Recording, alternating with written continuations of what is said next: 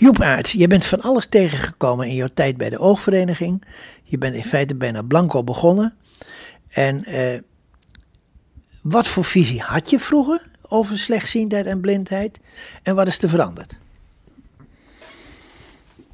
Ik denk niet dat ik heel erg een visie op slechtziendheid of blindheid heb. En eerlijk gezegd nu ook nog niet. Wel een visie op hoe, als je nou iets aan je ogen hebt, waar heb je nou behoefte aan? Waar ben je mee geholpen? Hoe kun je zelf beslissen wat jou overkomt? Dat, dat wel. En als je slechtziend of blind bent, wat, wat moet er dan in de samenleving, hoe moet de samenleving het jou mogelijk maken? Je moet natuurlijk altijd eerst zelf doen, maar ook hoe moet de samenleving het jou mogelijk maken om de dingen te bereiken die je wilt bereiken?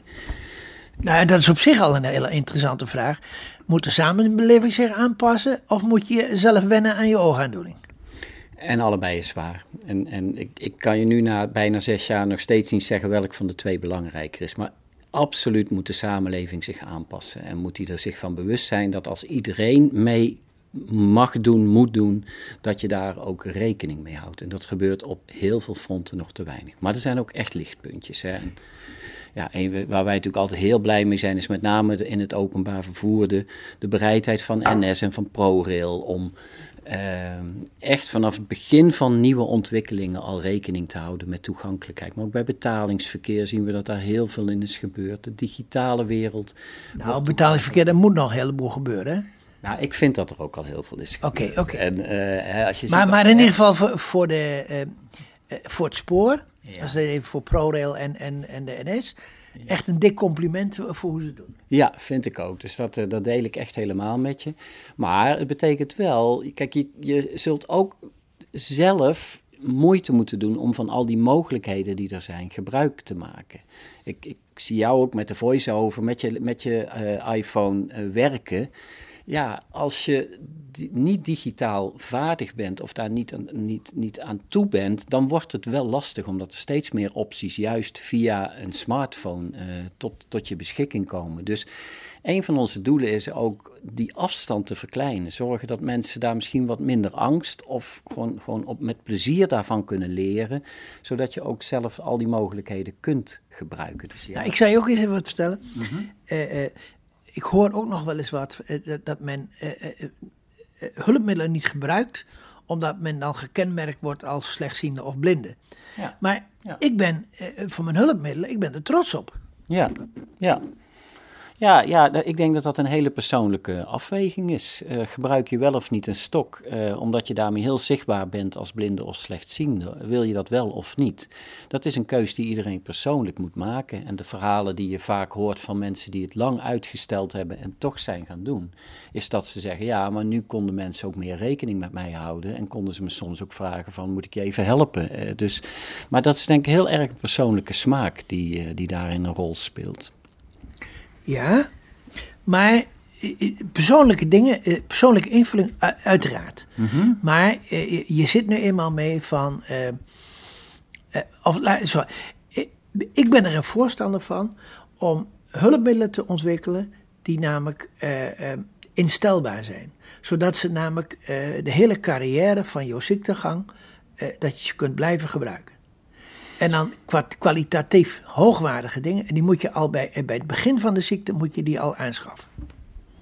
Ik weet het niet. Ik denk dat technologische ontwikkelingen zo snel gaan dat als je nu denkt dat je dat product gevonden hebt waar ik tien jaar mee kan doen, dat over twee jaar iedereen denkt van nou, er zijn al zoveel andere dingen die die functie op een veel betere manier hebben overgenomen. Dus dat, dat, ik weet niet of het dat is. Kijk, je kunt zeggen nou, dat ik heb, ik heb, vereniging, dat we ons eerder nog richten op maatschappelijke organisaties en zeggen: maak je product toegankelijk, zodat ik niet meer een hulpmiddel nodig heb om, uh, om er gebruik van te kunnen maken. Dat is helemaal waar. En, uh, uh, dus ook een, een sprekende thermostaat. Bijvoorbeeld, ja. Ja, dus als een thermostaat niet, niet bijvoorbeeld nou, via je smartphone sprekend is, dat je dan die, die, die leverancier erop aanspreekt en zegt: hé, hey, er zijn een heleboel mensen die dit niet kunnen, die dit niet kunnen gebruiken. Zorg ervoor, doe nou de volgende keer uh, het wel. Goed voorbeeld is die Europese, uh, uh, hoe heet het, payment terminals, dus de betaalautomaten in winkels en zo, dat die toegankelijk gemaakt gaan worden voor overal in Europa, voor iedereen die met een visuele beperking. Nou, is ook iets waar we hard voor, voor gevochten hebben. En dan komt zo'n wet er of zo'n regel. En dan duurt het nog tien jaar voor het zover is. Maar dat betekent dat je niet zelf bijvoorbeeld je oortjes hoeft mee te nemen of iets dergelijks. Maar dat het gewoon in het systeem zit. En dat, dat is uiteindelijk natuurlijk wat echt inclusief is. Uh, je kunt gewoon gebruik maken van dingen. Ook al heb je een visuele beperking, ben je slechtziend of blind. Ja, ik denk soms wel eens wel. Was, was maar meer dan de helft van de. Uh, van de bevolking slechtziend, dan hoeven ze ons niet aan te passen.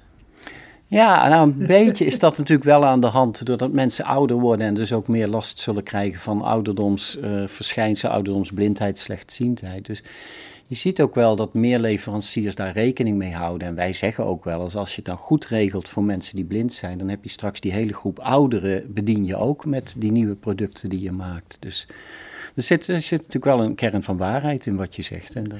Ja, nee, maar ik, ik, ik zit er toch wel op van, als je een... Ik zal één voorbeeld nemen. Ik heb een, in 2009 heb ik een Focatex vergoed gekregen, ook van de, van de verzekering. En die doet het nog steeds mm -hmm. en naar zeer tevredenheid. Mm -hmm. Ja, meer dan tien jaar. Ja. En zijn en, er ook producten die je tien jaar geleden hebt gekregen en waarvan je nu denkt, nou, die zijn ja, die zijn, ja, die, die, ja, die, die zijn er wel. Ja, ja. Maar, maar uh, dat komt ook vaak omdat men in het verleden uh, uh, gingen leveranciers, die maakten in feite een heel product voor een bepaald stadium van een bepaalde ziekte. Ja, ja, ja. Maar als jij namelijk modulair, de, de apparaten modulair opbouwt. Mm -hmm. ja, met, uh, met gewoon consumptieartikelen er ook in. En het laatste gedeelte ga je aanpassen aan de specifieke aandoening. Ja, ja? En, en, en als, je dat in, als dat instelbaar is, dan kun je dat namelijk heel lang gebruiken. Ja, ik, ik ben geen technicus. Het, het zou kunnen wat je zegt. Wat, waar wij ons meer op richten is dat nieuwe dingen die op de markt komen, bijvoorbeeld waar apps dingen al sneller kunnen dan bijvoorbeeld een, een, een loop of wat dan ook, dat je dat eigenlijk de zorgverzekeraars eerder toestemming geven om dat soort dingen ook te vergoeden. Dus dat je de moderne middelen, dat je die sneller uh, kunt krijgen. En ik denk in zijn algemeenheid dat, dat die ontwikkelingen sneller over elkaar buitelen dan 10, 20 jaar geleden. Dus dat het eigenlijk vooral een flexibel systeem moet zijn, waar nieuwe dingen makkelijker in opgenomen kunnen worden. Denk je ook dat het gaat gebeuren? Ik denk ook wel dat dat gaat gebeuren, ja. Dat, dat, dat hardware bijvoorbeeld, die vaak heel duur is, die je zou kunnen vervangen door, door software of een app. Nou, dat is nu nog ingewikkeld, maar, maar ja, we doen het allemaal. Iedereen werkt steeds meer met apps, dus ik ga er wel vanuit dat die uh, uiteindelijk in het pakket gaan komen. Maar het staat niet voor niks in het uh, werkplan van de oogvereniging volgend jaar om daar ook hard uh, aan te gaan trekken. Maar dat betekent eigenlijk ook dat je, als je niet digitaal bent, dan ben je echt blind.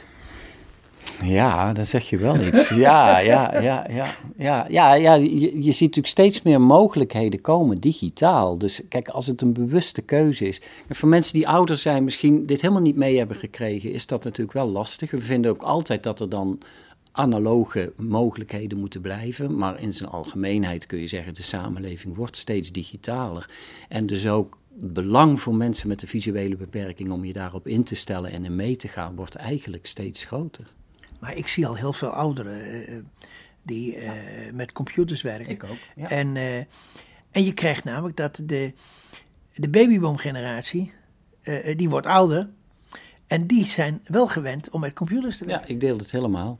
Dus ik denk dat er uiteindelijk ook steeds meer mensen, ik bedoel, de groep die uiteindelijk zegt: ik, ik wil het niet, ik kan het niet, het is me te ingewikkeld of zo, heel snel ook kleiner zal worden. Nou, ik, ik kwam laatst nog iemand tegen hoor, die zei van: ja. Ik ben al 70, ja, ja ik kan ja, dat niet. Ja, ja, ja.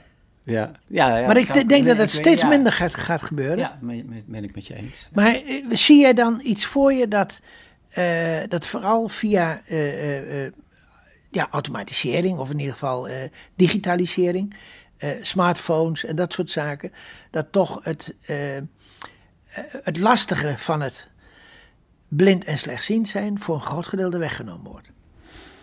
Ja, nou formuleer je hem op een manier die, die ik, omdat ik niet blind of slecht zie, dat kan ik moeilijk zo definiëren. Maar in ieder geval, ik denk dat je veel meer mogelijkheden krijgt om dingen te doen die iedereen kan doen, ook als je ziend bent. Dus dat jij net zo goed je mail kunt beantwoorden en lezen enzovoort. Of je nou, ook als je niet, uh, als je blind bent, eh, vergelijkbaar met als je niet blind bent. Dus ja, ik denk, ik denk het risico dat erin zit is wel het steeds visueler worden van informatie. En daar, nou, dan moet je dan ook maar, hè, dat, dat, dat roepen wij ook vaak. Maar ook daarvan denk ik dat met een aantal jaren de techniek om foto's en afbeeldingen te beschrijven weer zo goed is dat je, dat je daarmee gewoon ook foto's kunt zien, bij wijze van ja, spreken. Want teksten kunnen al voorgelezen worden. Ja, ja, nou foto's nog niet, maar tenminste, dat is beginnend. Maar dat gaat ongetwijfeld de komende jaren ook in hoog Maar dat is zo, ook, ook als je uh, uh, mensen die slechtziend worden, uh, het eerste waar ze tegenaan lopen, dat is de ondertiteling op de televisie. Ja. En daar loopt iedereen tegenaan. Ja. Ja, dus daar moeten gesproken vormen voor zijn, waardoor je dat gewoon wel kunt, uh, kunt Ja, die, die zijn er op zich wel, maar er zou toch uh, uh, iets ter beschikking moeten zijn om toch die beginnende slechtziende, om hem daar toch. Want, dat hij dat toch gaat doen, want voordat je iets aanschaft of voordat je iets van de verzekering vergoed krijgt, dan ben je al behoorlijk op weg in de carrière van slechtziendheid. Ja. Maar je moet in feite moet je het al aanpakken aan het begin. Dat, dat iemand namelijk, als hij, als hij zegt van nou, ik, ik, ik, kan het een beetje niet goed lezen, dan direct de mogelijkheid heeft om dat uh, uitgesproken te krijgen, dan is hij er al aan gewend. Ja. En dan hoeft hij ook niet zo gauw meer naar de dokter. Ja, ja, maar je bevraagt me nu op, echt op een gebied waar ik niet zo deskundig in ben. Dan moet maar je Petra Kortehoeven interviewen. Denk eens even mee. Die, nou ja, ja ik, ik, wat wij als vereniging toch vooral dan promoten, is dat de leveranciers van informatiediensten enzovoort hun product inclusief ontwerpen, gewoon dat dit eigenlijk geen vraagstuk meer is. Dus dat je je als individu niet meer hoeft aan te passen om het te kunnen gebruiken. Maar jouw, jouw oplossing is misschien heel pragmatisch, heel, ook heel geschikt. Maar wij steken hem denk ik net iets fundamenteler in. Maar goed, neem niet weg dat we ook met hulpmiddelen toch ook bezig zijn. Iedere keer weer met wat zit er in het pakket en hoeveel moeite moet je ervoor doen en al dat soort dingen. Maar de technologische, het voorbeeld dat jij zegt van, nou, nee, ja, neem iets wat heel lang mee kan, dat weet ik niet. Dat, dat, daar geloof nou, ik in ieder geval langer dan, dan de hulpmiddelen die vroeger gemaakt werden. Want er staat ook een belang bij leveranciers. Want kijk, als jij, ik ben begonnen met, met een loop van twee keer. Mm Half jaar later krijg je een loop van vier keer. Mhm. ja, en, eh, en zo werd dat gedaan. Ja, ja, ja dus je moet iedere keer weer nieuwe producten aanschaffen. En, en er werd in feite iedere keer uh, uh, per fase van jouw ziekte, maar had je weer nieuwe hulpmiddelen nodig. Dus je bleef nieuwe hulpmiddelen aanvragen. En, maar dat kan ook namelijk zo gemaakt worden dat het ingesteld wordt dat je namelijk de uh, hoe het met twee begint, verkeer, maar dan tot twaalf keer kunt gaan of iets dergelijks. Ja, ja, ja, het klinkt het is helemaal heel redelijk wat je zegt. Ja, ik ben het helemaal mee. En, en, en toen heb ik dus ook die term uh, uh, gebezigd van de, een hulpmiddel moet carrière vast zijn. Moet de hele carrière van jouw ziekteproces moet je die kunnen gebruiken. Nou ja, daar heb ik net van gezegd dat ik dat. Ik begrijp helemaal wat je zegt. En zeker als je het voorbeeld geeft dat je elk jaar of zo weer nieuwe dingen moet kopen. omdat de eerste er niet op ingericht was. Dat vind ik een punt. Maar ik denk dat de techniek zo snel. dat je ook niet de ambitie moet hebben om iets voor tien jaar te maken. Want dat is na twee, drie jaar echt ook alweer verouderd. Dus, maar ik, ik kan de oplossing. Daar moet je met andere mensen over praten. Wat nou ja, goed, maar we moeten er in ieder geval over nadenken. van wat dan wel carrière vast kan zijn en wat niet. En bij de ontwikkeling van, uh, uh, nou, van de ruimte, van de omgeving, moet er wel degelijk ook gekeken worden naar de zienden. Want heel veel maatregelen die je neemt voor slechtzienden, die zijn ook heel goed geschikt voor zienden. Ja. ja. Zo denk ik bijvoorbeeld, ik zit al jaren aan, zit ik te denken aan een universele markering van obstakels. Dat zou voor uh, blinden slechtzienden, of met name slechtzienden, zou dat heel goed zijn. Maar uh, voorzienden ook. Ja, interessant. Ja, toch? ja, ja, zeker. Ja.